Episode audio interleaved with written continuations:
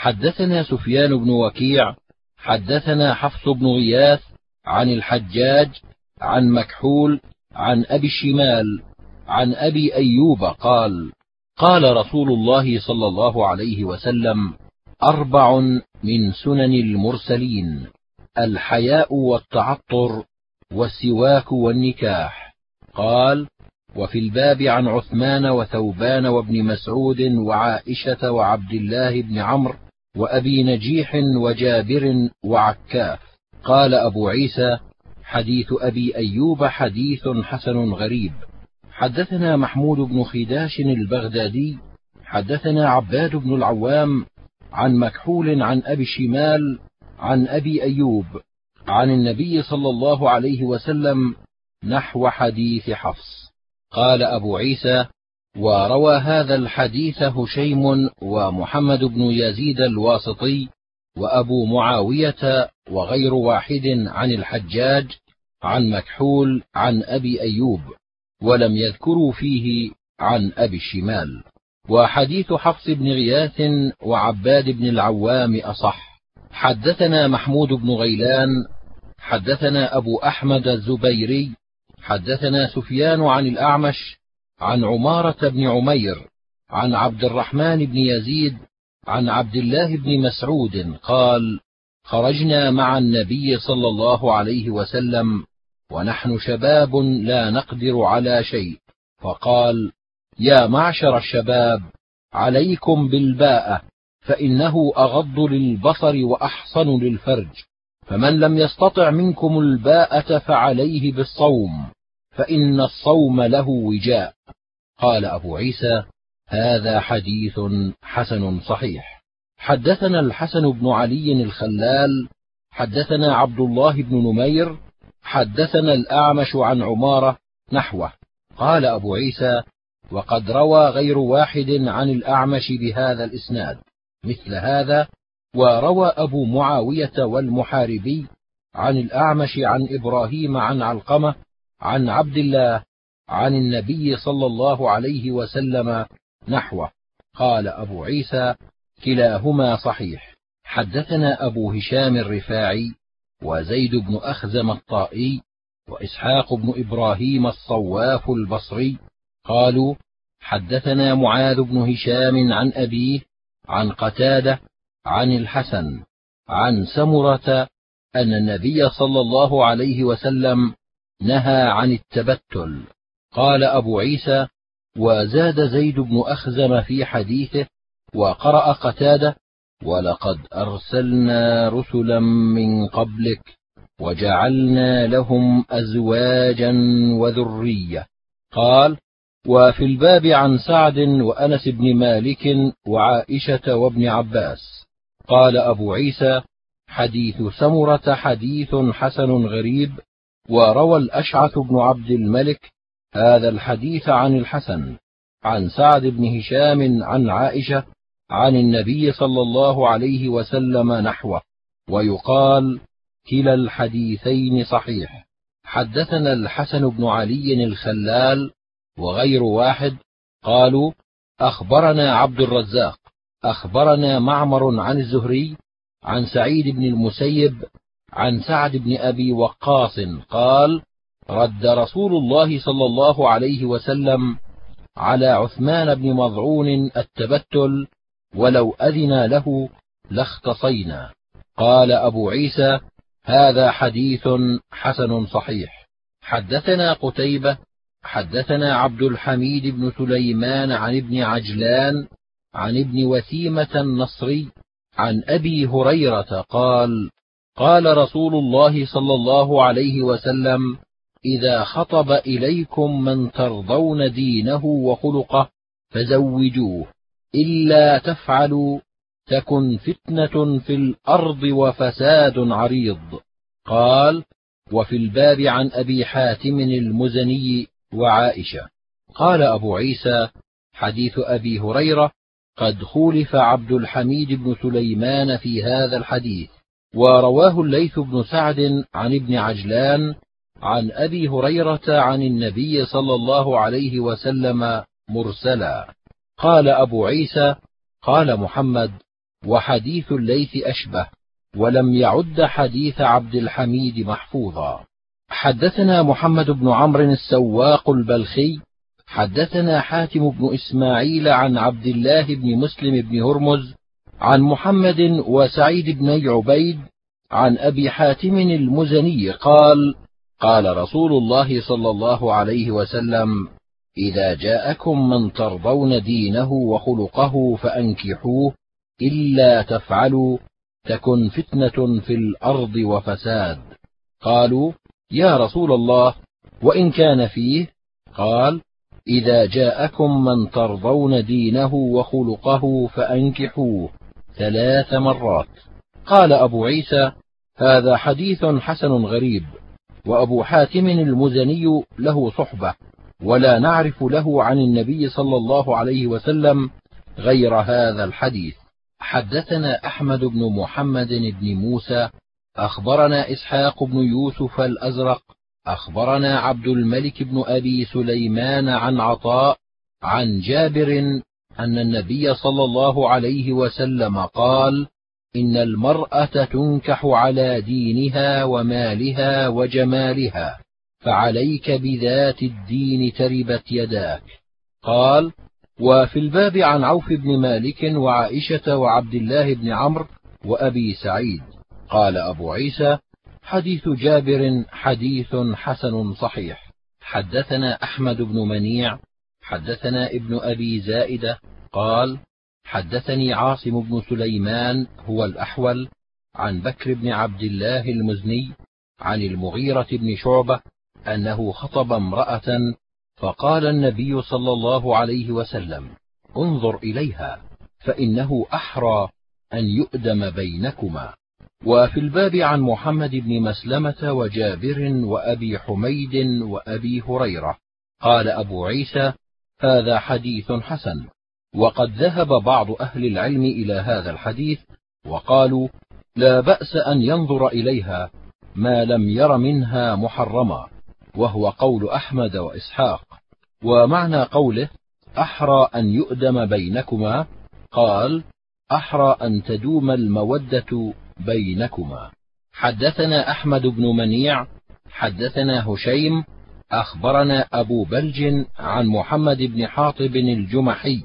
قال قال رسول الله صلى الله عليه وسلم فصل ما بين الحرام والحلال الدف والصوت. قال وفي الباب عن عائشة وجابر والربيع بنت معوذ.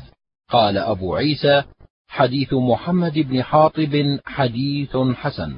وأبو بلج اسمه يحيى بن أبي سليم ويقال ابن سليم أيضا. ومحمد بن حاطب قد رأى النبي صلى الله عليه وسلم وهو غلام صغير. حدثنا أحمد بن منيع حدثنا يزيد بن هارون.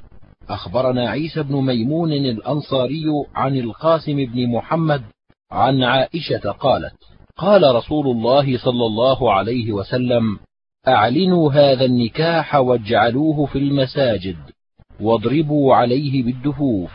قال أبو عيسى هذا حديث غريب حسن في هذا الباب. وعيسى بن ميمون الأنصاري يضعف في الحديث. وعيسى بن ميمون الذي يروي عن ابن أبي نجيح التفسير هو ثقة. حدثنا حميد بن مسعدة البصري. حدثنا بشر بن المفضل.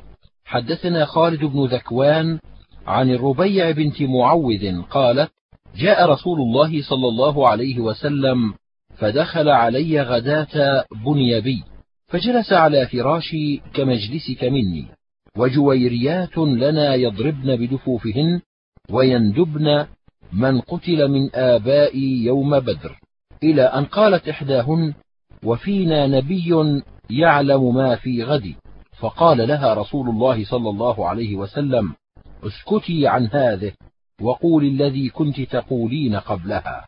قال أبو عيسى هذا حديث حسن صحيح.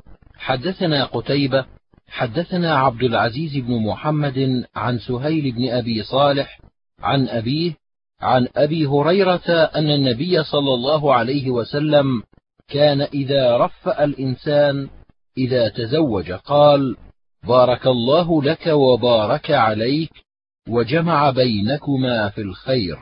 قال وفي الباب عن علي بن أبي طالب.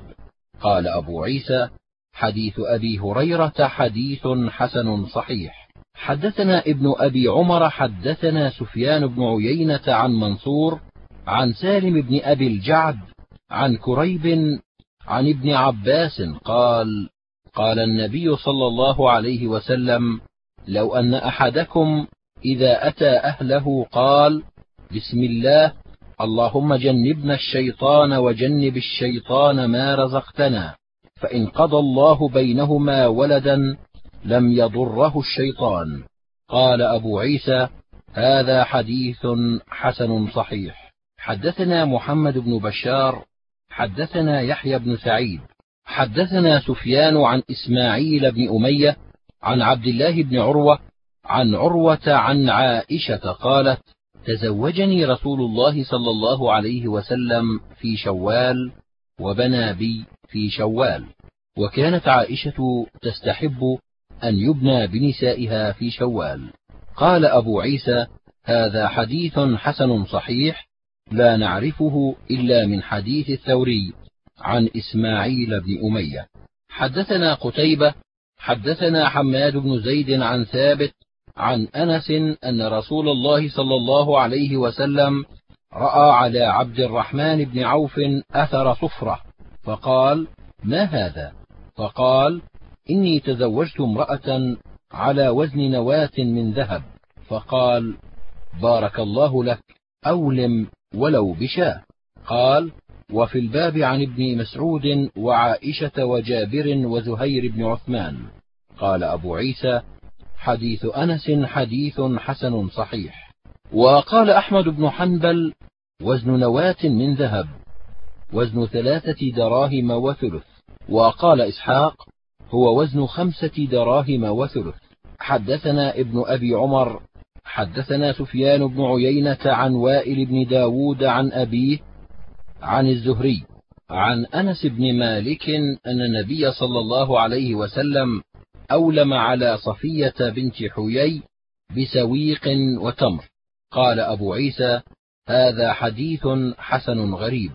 حدثنا محمد بن يحيى حدثنا الحميدي عن سفيان نحو هذا.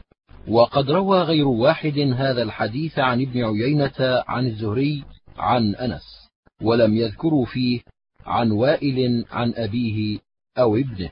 قال أبو عيسى وكان سفيان بن عيينة يدلس في هذا الحديث فربما لم يذكر فيه عن وائل عن أبيه وربما ذكره. حدثنا محمد بن موسى البصري حدثنا زياد بن عبد الله حدثنا عطاء بن السائب عن أبي عبد الرحمن عن ابن مسعود قال قال رسول الله صلى الله عليه وسلم طعام أول يوم حق وطعام يوم الثاني سنة وطعام يوم الثالث سمعة ومن سمع سمع الله به. قال أبو عيسى حديث ابن مسعود لا نعرفه مرفوعا إلا من حديث زياد بن عبد الله. وزياد بن عبد الله كثير الغرائب والمناكير. قال وسمعت محمد بن إسماعيل يذكر عن محمد بن عقبة. قال قال وكيع زياد بن عبد الله مع شرفه يكذب في الحديث. حدثنا أبو سلمة يحيى بن خلف حدثنا بشر بن المفضل عن إسماعيل بن أمية عن نافع عن ابن عمر قال قال رسول الله صلى الله عليه وسلم ائتوا الدعوة إذا دعيتم. قال وفي الباب عن علي وأبي هريرة والبراء وأنس وأبي أيوب. قال أبو عيسى حديث ابن عمر حديث حسن صحيح. حدثنا هناد حدثنا أبو معاوية عن الأعمش عن شقيق عن أبي مسعود قال جاء رجل يقال له أبو شعيب إلى غلام له لحام فقال اصنع لي طعاما يكفي خمسة فإني رأيت في وجه رسول الله صلى الله عليه وسلم الجوع. قال فصنع طعاما ثم أرسل إلى النبي صلى الله عليه وسلم فدعاه وجلساءه الذين معه فلما قام النبي صلى الله عليه وسلم اتبعهم رجل لم يكن معهم حين دعوا فلما انتهى رسول الله صلى الله عليه وسلم إلى الباب قال لصاحب المنزل إنه اتبعنا رجل لم يكن معنا حين دعوتنا فإن أذنت له دخل. قال فقد أذنا له فليدخل. قال أبو عيسى هذا حديث حسن صحيح. قال وفي الباب عن ابن عمر. حدثنا قتيبة حدثنا حماد بن زيد عن عمرو بن دينار عن جابر بن عبد الله قال تزوجت امرأة فأتيت النبي صلى الله عليه وسلم فقال أتزوجت يا جابر؟ فقلت نعم. فقال بكرا ام ثيبا فقلت لا بل ثيبا فقال هل لا جاريه تلاعبها وتلاعبك؟ فقلت يا رسول الله إن عبد الله مات وترك سبع بنات أو تسعة فجئت بمن يقوم عليهن؟ قال فدعا لي. قال وفي الباب عن أبي بن كعب وكعب بن عجرة. قال أبو عيسى حديث جابر بن عبد الله حديث حسن صحيح. حدثنا علي بن حجر أخبرنا شريك بن عبد الله عن أبي إسحاق وحدثنا قتيبة. حدثنا أبو عوانة عن أبي إسحاق وحدثنا محمد بن بشار. حدثنا عبد الرحمن بن مهدي عن إسرائيل عن أبي إسحاق. وحدثنا عبد الله بن أبي زياد. حدثنا زيد بن حباب عن يونس بن أبي إسحاق عن أبي إسحاق عن أبي بردة عن أبي موسى قال قال رسول الله صلى الله عليه وسلم لا نكاح إلا بولي. قال وفي الباب عن عائشة وابن عباس وأبي هريرة وعمران بن حسين وأنس. حدثنا ابن أبي عمر حدثنا سفيان بن عيينة عن ابن جريج عن سليمان بن موسى عن الزهري عن عروة عن عائشة. أن رسول الله صلى الله عليه وسلم قال: أيما امرأة نكحت بغير إذن وليها فنكاحها باطل فنكاحها باطل فنكاحها باطل. فإن دخل بها فلها المهر بما استحل من فرجها. فإن اشتجروا فالسلطان ولي من لا ولي له. قال أبو عيسى هذا حديث حسن. وقد روى يحيى بن سعيد الأنصاري ويحيى بن أيوب وسفيان الثوري وغير واحد من الحفاظ عن ابن جريج نحو هذا. قال أبو عيسى وحديث أبي موسى حديث فيه اختلاف. رواه إسرائيل وشريك بن عبد الله وأبو عوانة وزهير بن معاوية وقيس بن الربيع عن أبي إسحاق. عن أبي بردة عن أبي موسى عن النبي صلى الله عليه وسلم. وروى أصباط بن محمد وزيد بن حباب عن يونس بن أبي إسحاق عن أبي إسحاق عن أبي بردة عن أبي موسى عن النبي صلى الله عليه وسلم. وروى أبو عبيدة الحداد عن يونس بن أبي إسحاق عن أبي بردة عن أبي موسى عن النبي صلى الله عليه وسلم نحوه ولم يذكر فيه عن أبي إسحاق. وقد روي عن يونس بن أبي إسحاق عن أبي إسحاق عن أبي بردة عن أبي موسى عن النبي صلى الله عليه وسلم أيضا. وروى شعبة والثوري عن أبي إسحاق عن أبي بردة عن النبي صلى الله عليه وسلم لا نكاح إلا بولي. وقد ذكر بعض أصحاب سفيان عن سفيان عن أبي إسحاق عن أبي بردة عن أبي موسى ولا يصح. ورواية هؤلاء الذين رووا عن أبي إسحاق عن أبي بردة عن أبي موسى عن النبي صلى الله عليه وسلم لا نكاح إلا بولي عندي أصح لأن سماعهم من أبي إسحاق في أوقات مختلفة. وإن كان شعبة والثوري أحفظ وأثبت من جميع هؤلاء الذين رووا عن أبي إسحاق هذا الحديث. فإن رواية هؤلاء عندي أشبه لأن شعبة والثوري سمعا هذا الحديث من أبي إسحاق في مجلس واحد. ومما يدل على ذلك ما حدثنا محمود بن غيلان قال حدثنا أبو داود قال أنبأنا شعبة قال سمعت سفيان الثوري يسأل أبا إسحاق أسمعت أبا بردة يقول قال رسول الله صلى الله عليه وسلم لا نكاح إلا بولي؟ فقال نعم. فدل هذا الحديث على أن سماع شعبة والثوري عن مكحول هذا الحديث في وقت واحد. وإسرائيل هو ثقة ثبت في أبي إسحاق.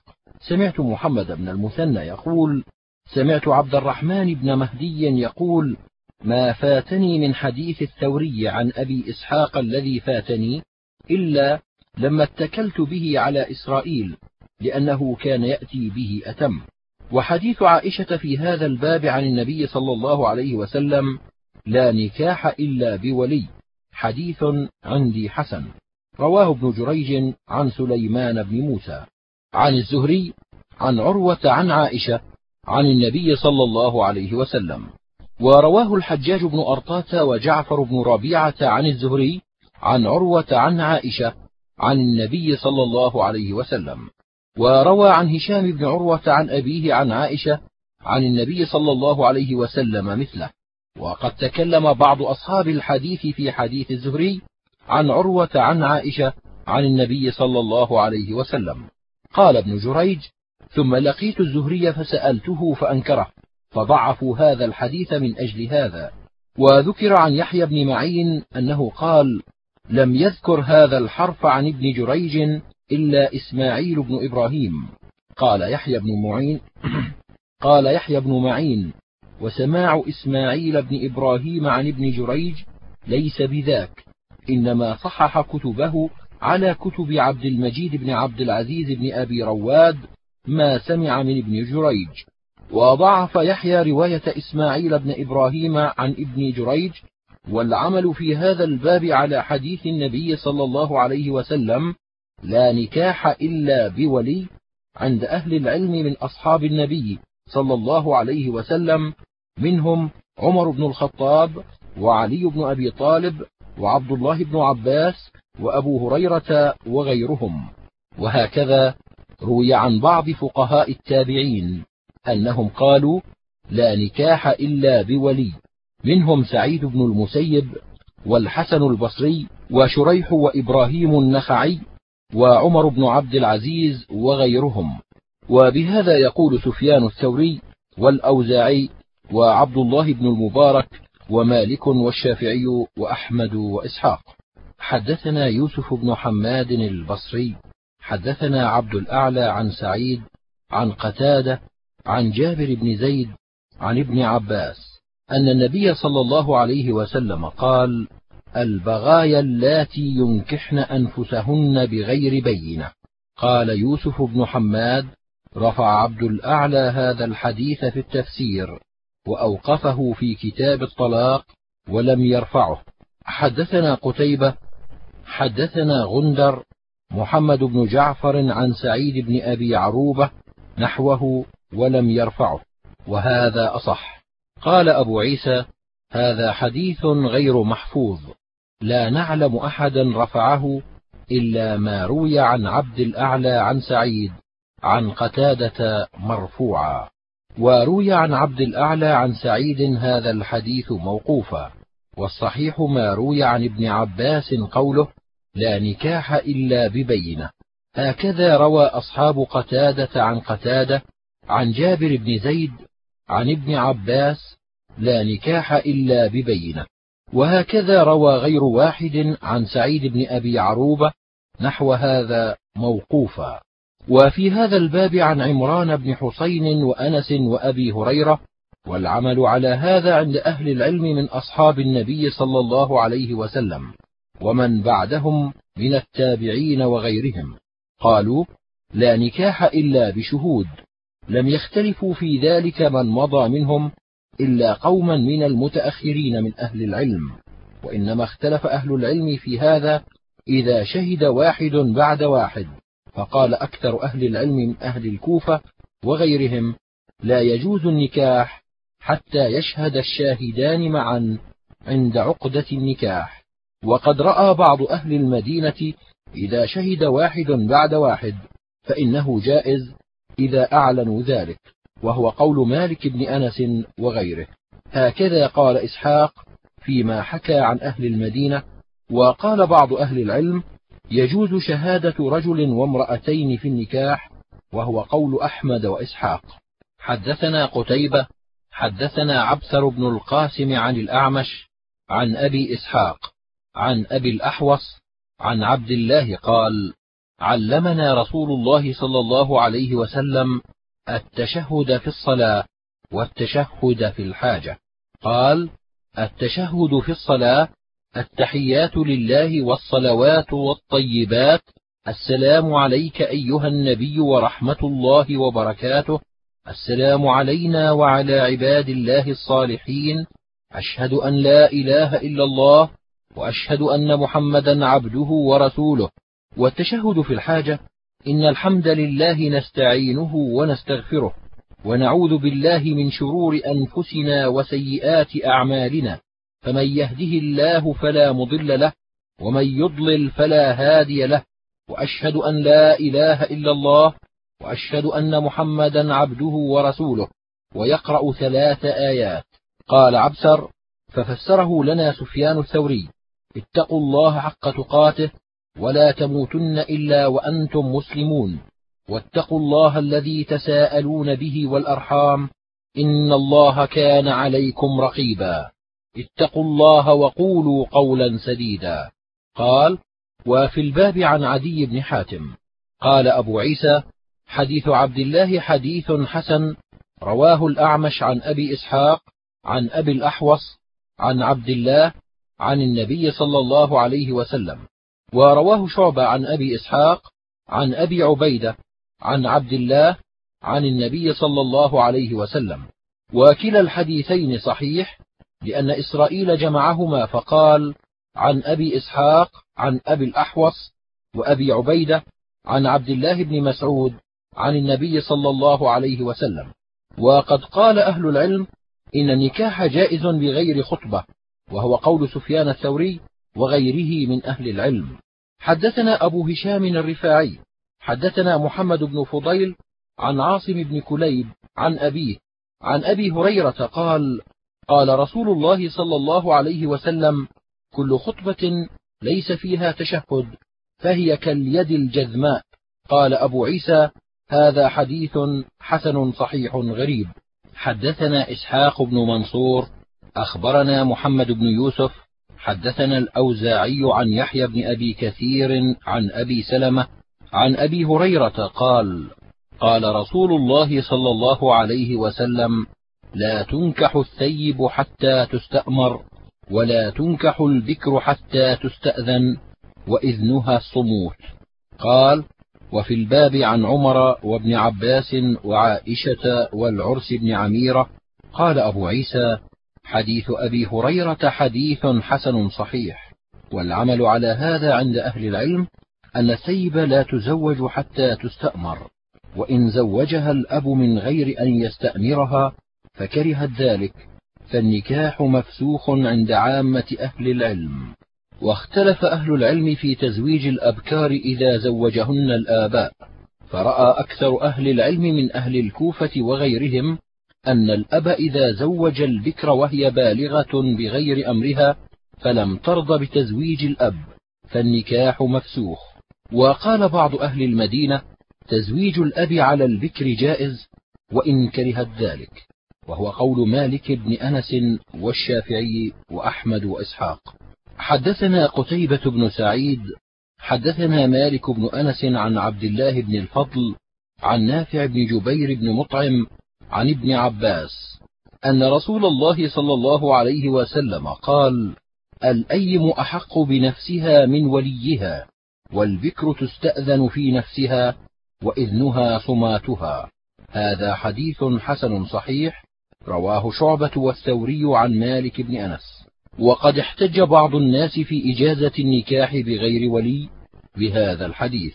وليس في هذا الحديث ما احتجوا به لأنه قد روي من غير وجه عن ابن عباس عن النبي صلى الله عليه وسلم لا نكاح إلا بولي وهكذا أفتى به ابن عباس بعد النبي صلى الله عليه وسلم فقال لا نكاح إلا بولي وإنما معنى قول النبي صلى الله عليه وسلم الأيم أحق بنفسها من وليها عند أكثر أهل العلم أن الولي لا يزوجها إلا برضاها وأمرها فإن زوجها فالنكاح مفسوخ على حديث خنساء بنت خذام حيث زوجها أبوها وهي ثيب فكرهت ذلك فرد النبي صلى الله عليه وسلم نكاحه.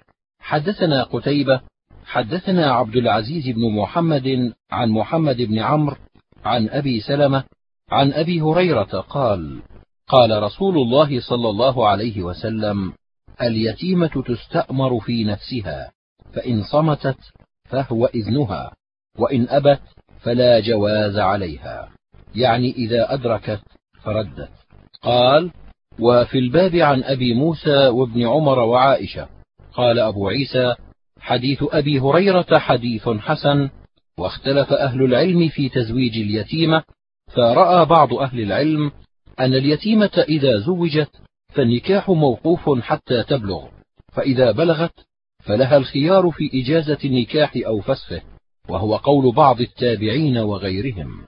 وقال بعضهم لا يجوز نكاح اليتيمة حتى تبلغ ولا يجوز الخيار في النكاح. وهو قول سفيان الثوري والشافعي وغيرهما من أهل العلم. وقال أحمد وإسحاق إذا بلغت اليتيمة تسع سنين فزوجت فرضيت فالنكاح جائز ولا خيار لها إذا أدركت. واحتجا بحديث عائشة أن النبي صلى الله عليه وسلم بنى بها وهي بنت تسع سنين. وقد قالت عائشة إذا بلغت الجارية تسع سنين فهي المرأة. حدثنا قتيبة حدثنا غندر حدثنا سعيد بن أبي عروبة عن قتادة عن الحسن عن سمرة بن جندب أن رسول الله صلى الله عليه وسلم قال أيما امرأة زوجها وليان فهي للأول منهما ومن باع بيعا من رجلين فهو للأول منهما. قال أبو عيسى هذا حديث حسن.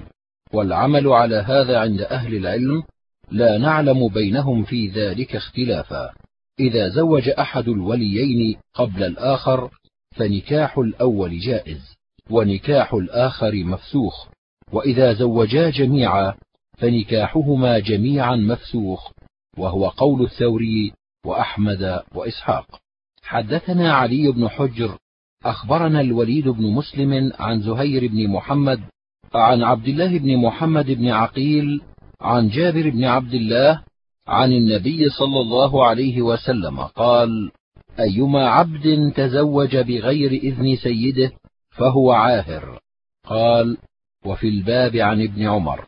قال أبو عيسى حديث جابر حديث حسن. وروى بعضهم هذا الحديث عن عبد الله بن محمد بن عقيل عن ابن عمر عن النبي صلى الله عليه وسلم ولا يصح والصحيح عن عبد الله بن محمد بن عقيل عن جابر. والعمل على هذا عند أهل العلم من أصحاب النبي صلى الله عليه وسلم وغيرهم أن نكاح العبد بغير إذن سيده لا يجوز وهو قول أحمد وإسحاق وغيرهما بلا اختلاف. حدثنا سعيد بن يحيى بن سعيد الأموي حدثنا أبي حدثنا ابن جريج عن عبد الله بن محمد بن عقيل عن جابر عن النبي صلى الله عليه وسلم قال أيما عبد تزوج بغير إذن سيده فهو عاهر. هذا حديث حسن صحيح. حدثنا محمد بن بشار حدثنا يحيى بن سعيد وعبد الرحمن بن مهدي ومحمد بن جعفر قالوا حدثنا شعبة عن عاصم بن عبيد الله قال سمعت عبد الله بن عامر بن ربيعة عن أبيه أن امرأة من بني فزارة تزوجت على نعلين. فقال رسول الله صلى الله عليه وسلم أرضيت من نفسك ومالك بنعلين؟ قالت نعم. قال فأجازه. قال وفي الباب عن عمر وأبي هريرة وسهل بن سعد وأبي سعيد وأنس وعائشة وجابر وأبي حدرد الأسلمي. قال أبو عيسى حديث عامر بن ربيعة حديث حسن صحيح واختلف أهل العلم في المهر فقال بعض أهل العلم المهر على ما تراضوا عليه وهو قول سفيان الثوري والشافعي وأحمد وإسحاق. وقال مالك بن أنس لا يكون المهر أقل من ربع دينار. وقال بعض أهل الكوفة لا يكون المهر أقل من عشرة دراهم. حدثنا الحسن بن علي الخلال حدثنا إسحاق بن عيسى وعبد الله بن نافع الصائغ قالا أخبرنا مالك بن أنس عن أبي حازم بن دينار عن سهل بن سعد الساعدي أن رسول الله صلى الله عليه وسلم جاءته امرأة فقالت إني وهبت نفسي لك. فقامت طويلا. فقال رجل يا رسول الله فزوجنيها إن لم تكن لك بها حاجة. فقال هل عندك من شيء تصدقها؟ فقال ما عندي إلا إزاري هذا. فقال رسول الله صلى الله عليه وسلم إزارك إن أعطيتها جلست ولا إزار لك فالتمس شيئا. قال ما أجد. قال فالتمس ولو خاتما من حديد. قال فالتمس فلم يجد شيئا. فقال رسول الله صلى الله عليه وسلم هل معك من القرآن شيء؟ قال نعم سورة كذا وسورة كذا بسور سماها. فقال رسول الله صلى الله عليه وسلم زوجتكها بما معك من القرآن. قال أبو عيسى هذا حديث حسن صحيح. وقد ذهب الشافعي إلى هذا الحديث فقال إن لم يكن له شيء يصدقها فتزوجها على سورة من القرآن فالنكاح جائز ويعلمها سورة من القرآن. وقال بعض أهل العلم النكاح جائز ويجعل لها صداقة مثلها. وهو قول أهل الكوفة وأحمد وإسحاق.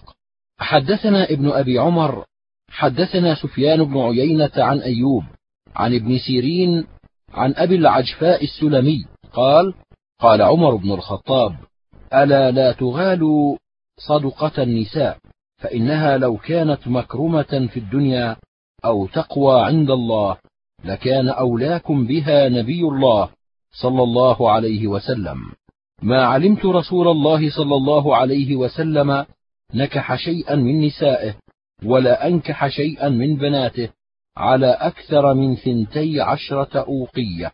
قال أبو عيسى هذا حديث حسن صحيح وأبو العجفاء السلمي اسمه هرم والأوقية عند أهل العلم أربعون درهما وثنتا عشرة أوقية أربعمائة وثمانون درهما. حدثنا قتيبة حدثنا أبو عوانة عن قتادة وعبد العزيز بن صهيب عن أنس بن مالك أن رسول الله صلى الله عليه وسلم أعتق صفية وجعل عتقها صداقها. قال وفي الباب عن صفية قال أبو عيسى حديث أنس حديث حسن صحيح والعمل على هذا عند بعض أهل العلم من أصحاب النبي صلى الله عليه وسلم وغيرهم وهو قول الشافعي وأحمد وإسحاق وكره بعض أهل العلم أن يجعل عتقها صداقها حتى يجعل لها مهرا سوى العتق. والقول الأول أصح.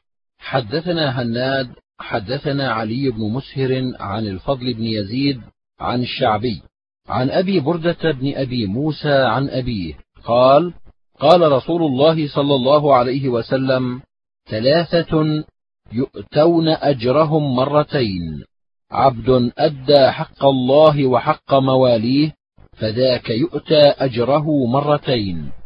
ورجل كانت عنده جارية وضيئة فأدبها فأحسن أدبها ثم أعتقها ثم تزوجها.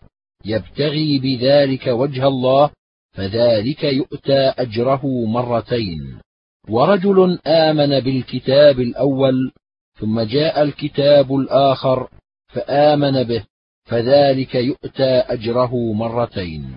حدثنا ابن أبي عمر حدثنا سفيان عن صالح بن صالح وهو ابن حي عن الشعبي عن أبي بردة عن أبي موسى عن النبي صلى الله عليه وسلم نحوه بمعناه. قال أبو عيسى حديث أبي موسى حديث حسن صحيح وأبو بردة ابن أبي موسى اسمه عامر بن عبد الله بن قيس وروى شعبة وسفيان الثوري هذا الحديث عن صالح بن صالح بن حي وصالح بن صالح بن حي هو والد الحسن بن صالح بن حي. حدثنا قتيبة حدثنا ابن لهيعة عن عمرو بن شعيب عن أبيه عن جده أن النبي صلى الله عليه وسلم قال: أيما رجل نكح امرأة فدخل بها فلا يحل له نكاح ابنتها، وإن لم يكن دخل بها فلينكح ابنتها، وأيما رجل نكح امرأة فدخل بها أو لم يدخل بها فلا يحل له نكاح أمها.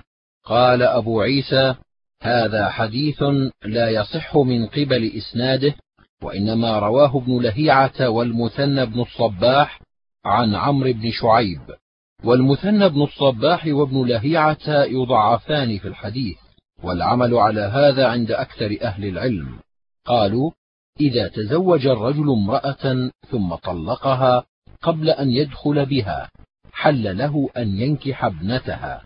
وإذا تزوج الرجل الابنة فطلقها قبل أن يدخل بها لم يحل له نكاح أمها. لقول الله تعالى وأمهات نسائكم. وهو قول الشافعي وأحمد وإسحاق. حدثنا ابن أبي عمر وإسحاق بن منصور قالا حدثنا سفيان بن عيينة عن الزهري عن عروة عن عائشة قالت جاءت امرأة رفاعة القرظي إلى رسول الله صلى الله عليه وسلم. فقالت إني كنت عند رفاعة فطلقني فبت طلاقي فتزوجت عبد الرحمن بن الزبير وما معه إلا مثل هدبة الثوب. فقال أتريدين أن ترجعي إلى رفاعة؟ لا حتى تذوقي عسيلته ويذوق عسيلتك. قال وفي الباب عن ابن عمر وأنس والرميصاء أو الغميصاء وأبي هريرة. قال أبو عيسى حديث عائشة حديث حسن صحيح والعمل على هذا عند عامة أهل العلم من أصحاب النبي صلى الله عليه وسلم وغيرهم أن الرجل إذا طلق امرأته ثلاثا فتزوجت زوجا غيره فطلقها قبل أن يدخل بها أنها لا تحل للزوج الأول إذا لم يكن جامع الزوج الآخر. حدثنا أبو سعيد الأشج. حدثنا أشعث بن عبد الرحمن بن زبيد الأيامي. حدثنا مجالد عن الشعبي. عن جابر بن عبد الله وعن الحارث عن علي قالا إن رسول الله صلى الله عليه وسلم لعن المحل والمحلل له. قال وفي الباب عن ابن مسعود وأبي هريرة وعقبة بن عامر وابن عباس.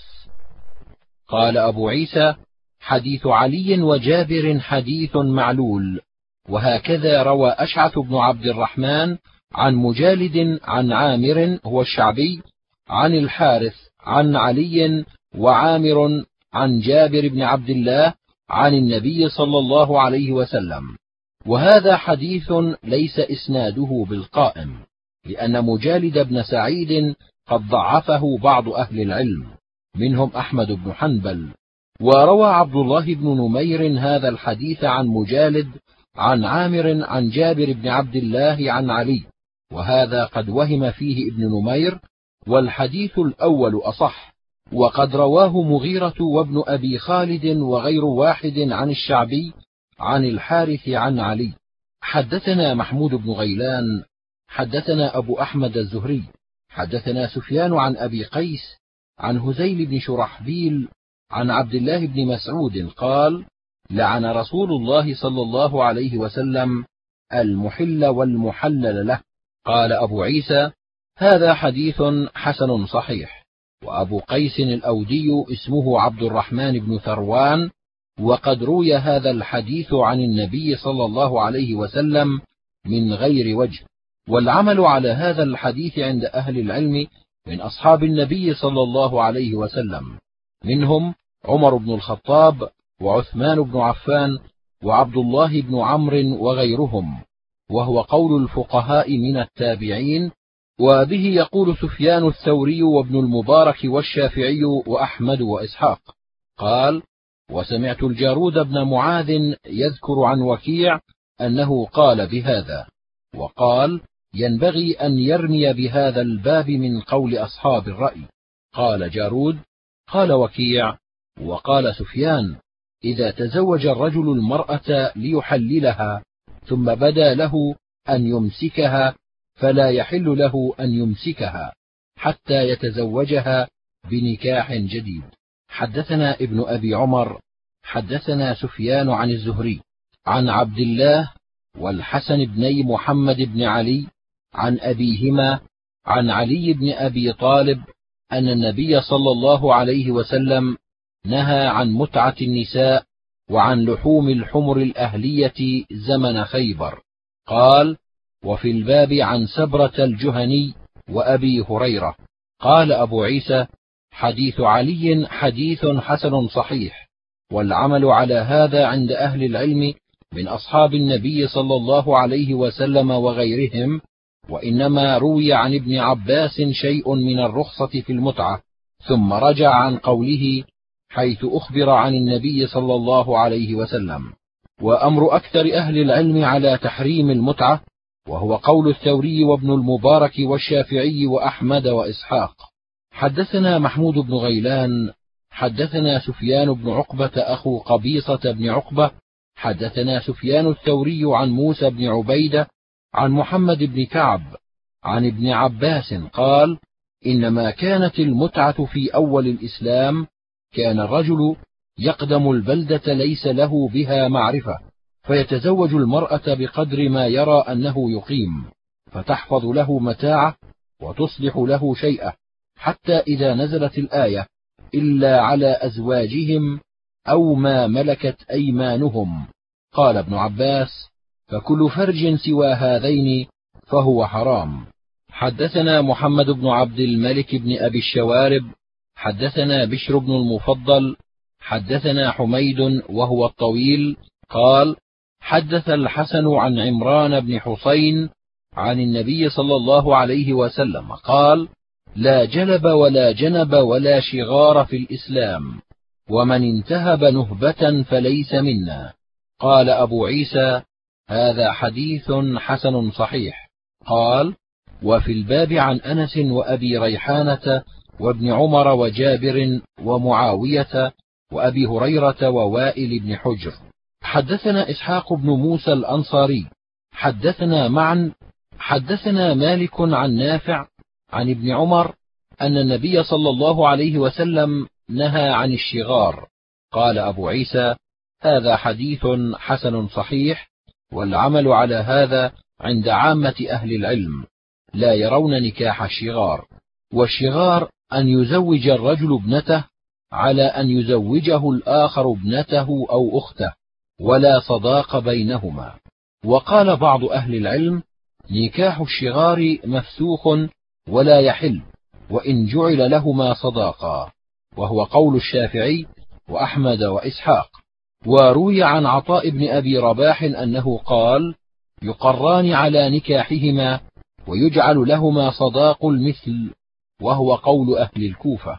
حدثنا نصر بن علي حدثنا عبد الأعلى بن عبد الأعلى حدثنا سعيد بن أبي عروبة عن أبي حريز عن عكرمة عن ابن عباس أن النبي صلى الله عليه وسلم نهى أن تزوج المرأة على عمتها أو على خالتها وأبو حريز اسمه عبد الله بن حسين. حدثنا نصر بن علي حدثنا عبد الأعلى عن هشام بن حسان عن ابن سيرين عن أبي هريرة عن النبي صلى الله عليه وسلم بمثله. قال وفي الباب عن علي وابن عمر وعبد الله بن عمرو وأبي سعيد وأبي أمامة وجابر وعائشة وأبي موسى وسمرة بن جندب.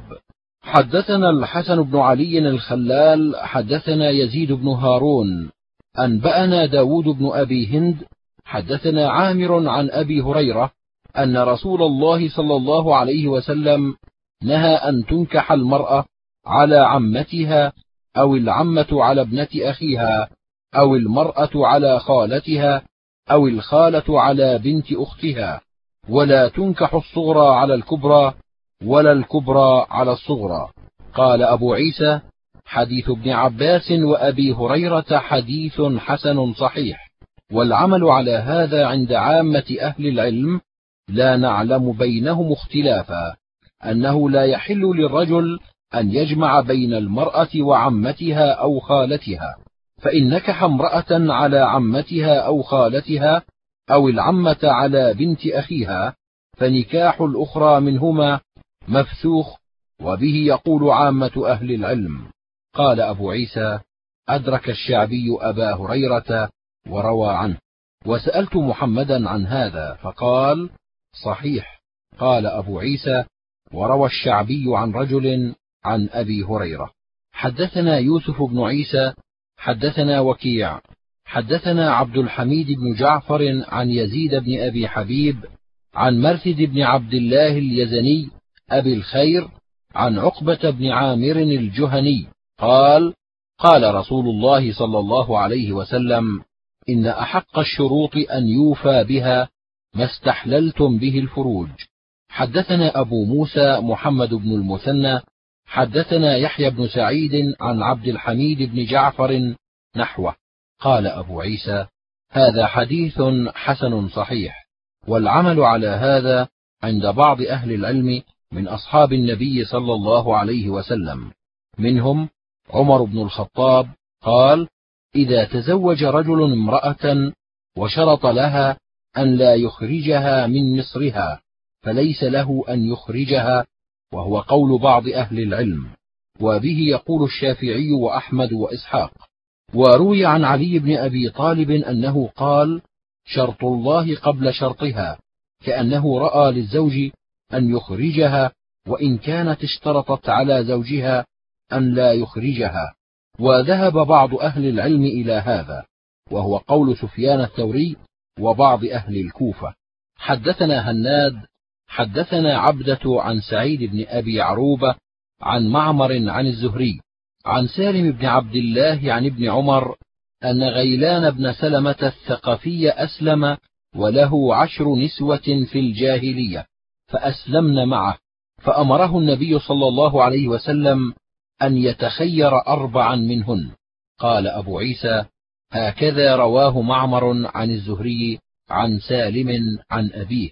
قال وسمعت محمد بن إسماعيل يقول هذا حديث غير محفوظ والصحيح ما روى شعيب بن أبي حمزة وغيره عن الزهري وحمزة. قال حدثت عن محمد بن سويد الثقفي أن غيلان بن سلمة أسلم وعنده عشر نسوة. قال محمد وإنما حديث الزهري عن سالم عن أبيه أن رجلا من ثقيف طلق نساءه فقال له عمر لتراجعن نساءك أو لأرجمن قبرك. كما رجم قبر أبي رغال. قال أبو عيسى والعمل على حديث غيلان بن سلمة عند أصحابنا منهم الشافعي وأحمد وإسحاق. حدثنا ابن لهيعة عن أبي وهب الجيشاني أنه سمع ابن فيروز الديلمي يحدث عن أبيه. قال أتيت النبي صلى الله عليه وسلم فقلت يا رسول الله إني أسلمت وتحتي أختان. فقال رسول الله صلى الله عليه وسلم اختر أيته ما شئت. حدثنا محمد بن بشار حدثنا وهب بن جرير حدثنا أبي قال سمعت يحيى بن أيوب يحدث عن يزيد بن أبي حبيب عن أبي وهب الجيشاني عن الضحاك بن فيروز الديلمي عن أبيه قال قلت يا رسول الله أسلمت وتحتي أختان. قال اختر أيته ما شئت. هذا حديث حسن. وأبو وهب الجيشاني اسمه الديلم بن هوشع. حدثنا عمر بن حفص الشيباني البصري. حدثنا عبد الله بن وهب. حدثنا يحيى بن أيوب عن ربيعة بن سليم عن بسر بن عبيد الله عن رويفع بن ثابت عن النبي صلى الله عليه وسلم قال من كان يؤمن بالله واليوم الآخر فلا يسقي ماءه ولد غيره. قال أبو عيسى هذا حديث حسن. وقد روي من غير وجه عن رويفع بن ثابت والعمل على هذا عند أهل العلم لا يرون للرجل إذا اشترى جارية وهي حامل أن يطأها حتى تضع. وفي الباب عن أبي الدرداء وابن عباس والعرباض بن سارية وأبي سعيد. حدثنا أحمد بن منيع حدثنا هشيم حدثنا عثمان البتي عن أبي الخليل عن أبي سعيد الخدري قال أصبنا سبايا يوم أوطاس ولهن أزواج في قومهن فذكروا ذلك لرسول الله صلى الله عليه وسلم فنزلت والمحصنات من النساء إلا ما ملكت أيمانكم.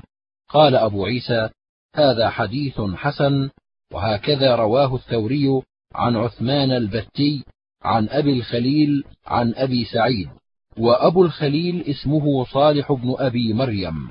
وروى همام هذا الحديث عن قتادة عن صالح أبي الخليل عن أبي علقمة الهاشمي عن أبي سعيد عن النبي صلى الله عليه وسلم. حدثنا بذلك عبد بن حميد حدثنا حبان بن هلال حدثنا همام. حدثنا قتيبة حدثنا الليث عن ابن شهاب عن أبي بكر بن عبد الرحمن عن أبي مسعود الأنصاري قال نهى رسول الله صلى الله عليه وسلم عن ثمن الكلب ومهر البغي وحلوان الكاهن. قال وفي الباب عن رافع بن خديج وأبي جحيفة وأبي هريرة وابن عباس. قال أبو عيسى حديث أبي مسعود حديث حسن صحيح. حدثنا أحمد بن منيع وقتيبة قالا حدثنا سفيان بن عيينة عن الزهري عن سعيد بن المسيب عن أبي هريرة قال قتيبة يبلغ به النبي صلى الله عليه وسلم. وقال أحمد قال رسول الله صلى الله عليه وسلم لا يبيع الرجل على بيع أخيه ولا يخطب على خطبة أخيه. قال وفي الباب عن سمرة وابن عمر. قال أبو عيسى حديث أبي هريرة حديث حسن صحيح. قال مالك بن أنس إنما معنى كراهية أن يخطب الرجل على خطبة أخيه إذا خطب الرجل المرأة فرضيت به فليس لأحد أن يخطب على خطبته. وقال الشافعي معنى هذا الحديث لا يخطب الرجل على خطبة أخيه هذا عندنا إذا خطب الرجل المرأة فرضيت به وركنت إليه فليس لأحد أن يخطب على خطبته. فأما قبل أن يعلم رضاها أو ركونها إليه فلا بأس أن يخطبها. والحجة في ذلك حديث فاطمة بنت قيس حيث جاءت النبي صلى الله عليه وسلم فذكرت له أن أبا جهم بن حذيفة ومعاوية بن أبي سفيان خطباها. فقال أما أبو جهم فرجل لا يرفع عصاه عن النساء وأما معاوية فصعلوك لا مال له ولكن انكحي أسامة. فمعنى هذا الحديث عندنا والله أعلم أن فاطمة لم تخبره برضاها بواحد منهما ولو أخبرته لم يشر عليها بغير الذي ذكرت.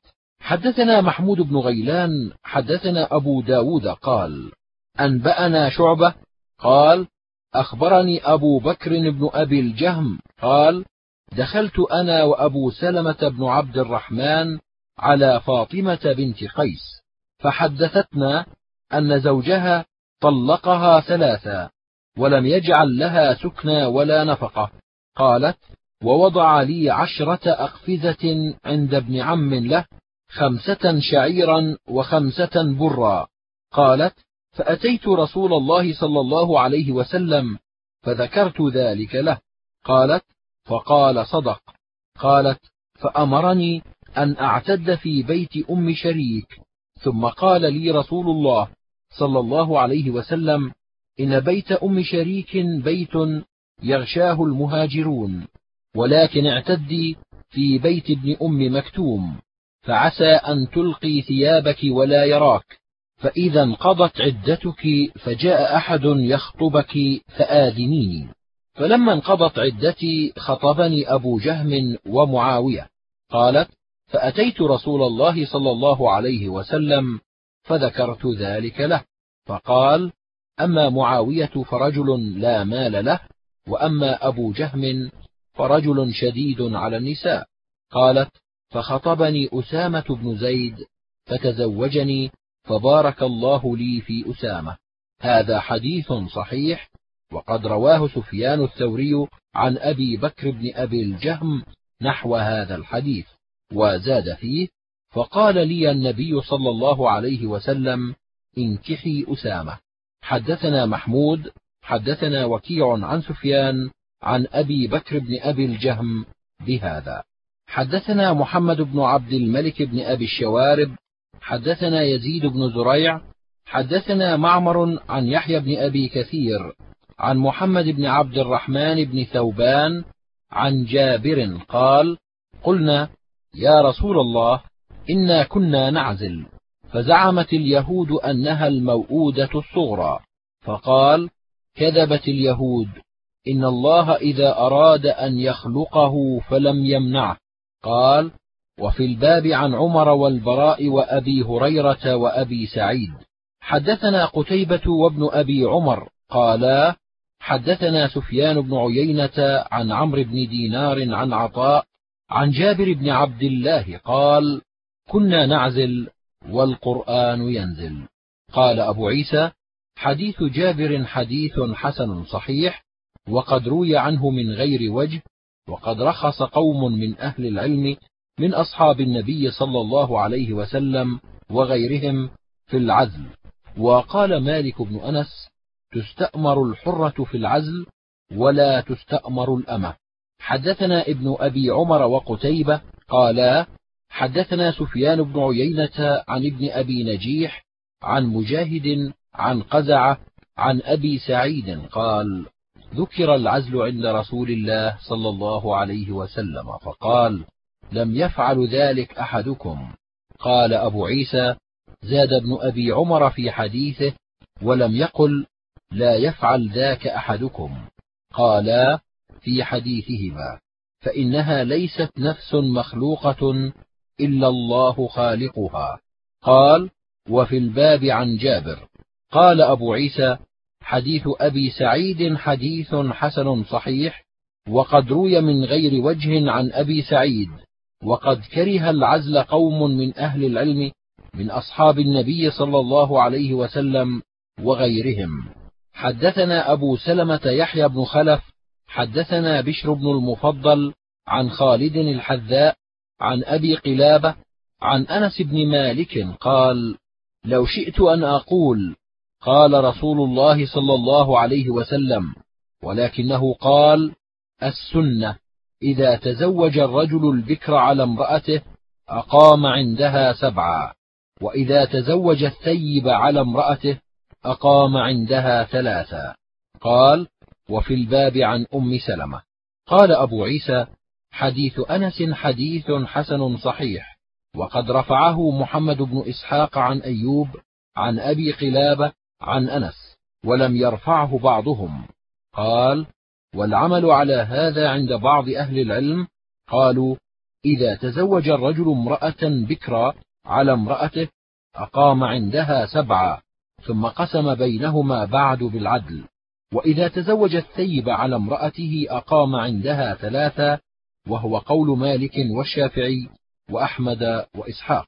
وقال بعض أهل العلم من التابعين إذا تزوج البكر على امرأته أقام عندها ثلاثة. وإذا تزوج الثيب أقام عندها ليلتين والقول الأول أصح. حدثنا ابن أبي عمر حدثنا بشر بن السري حدثنا حماد بن سلمة عن أيوب عن أبي قلابة عن عبد الله بن يزيد عن عائشة أن النبي صلى الله عليه وسلم كان يقسم بين نسائه فيعدل ويقول اللهم هذه قسمتي فيما أملك فلا تلمني فيما تملك ولا أملك. قال أبو عيسى حديث عائشة هكذا رواه غير واحد عن حماد بن سلمة عن أيوب عن أبي قلابة عن عبد الله بن يزيد عن عائشة أن النبي صلى الله عليه وسلم كان يقسم. ورواه حماد بن زيد وغير واحد عن أيوب عن أبي قلابة مرسلا أن النبي صلى الله عليه وسلم كان يقسم وهذا أصح من حديث حماد بن سلمة. حدثنا محمد بن بشار حدثنا عبد الرحمن بن مهدي حدثنا همام عن قتادة عن النضر بن أنس عن بشير بن نهيك عن أبي هريرة عن النبي صلى الله عليه وسلم قال إذا كان عند الرجل امرأتان فلم يعدل بينهما جاء يوم القيامة وشقه ساقط. قال أبو عيسى وإنما أسند هذا الحديث همام بن يحيى عن قتادة ورواه هشام الدستوائي عن قتادة. قال كان يقال ولا نعرف هذا الحديث مرفوعا إلا من حديث همام وهمام ثقة حافظ. حدثنا أحمد بن منيع وهناد قالا حدثنا أبو معاوية عن الحجاج عن عمرو بن شعيب عن أبيه عن جده أن رسول الله صلى الله عليه وسلم رد ابنته زينب على أبي العاص بن الربيع بمهر جديد ونكاح جديد. قال أبو عيسى هذا حديث في إسناده مقال وفي الحديث الآخر أيضا مقال. والعمل على هذا الحديث عند أهل العلم أن المرأة إذا أسلمت قبل زوجها ثم أسلم زوجها وهي في العدة أن زوجها أحق بها ما كانت في العدة وهو قول مالك بن أنس والأوزاعي والشافعي وأحمد وإسحاق. حدثنا هناد حدثنا يونس بن بكير عن محمد بن إسحاق. قال حدثني داود بن الحسين عن عكرمة عن ابن عباس قال رد النبي صلى الله عليه وسلم ابنته زينب على أبي العاص بن الربيع بعد ست سنين بالنكاح الأول ولم يحدث نكاحا.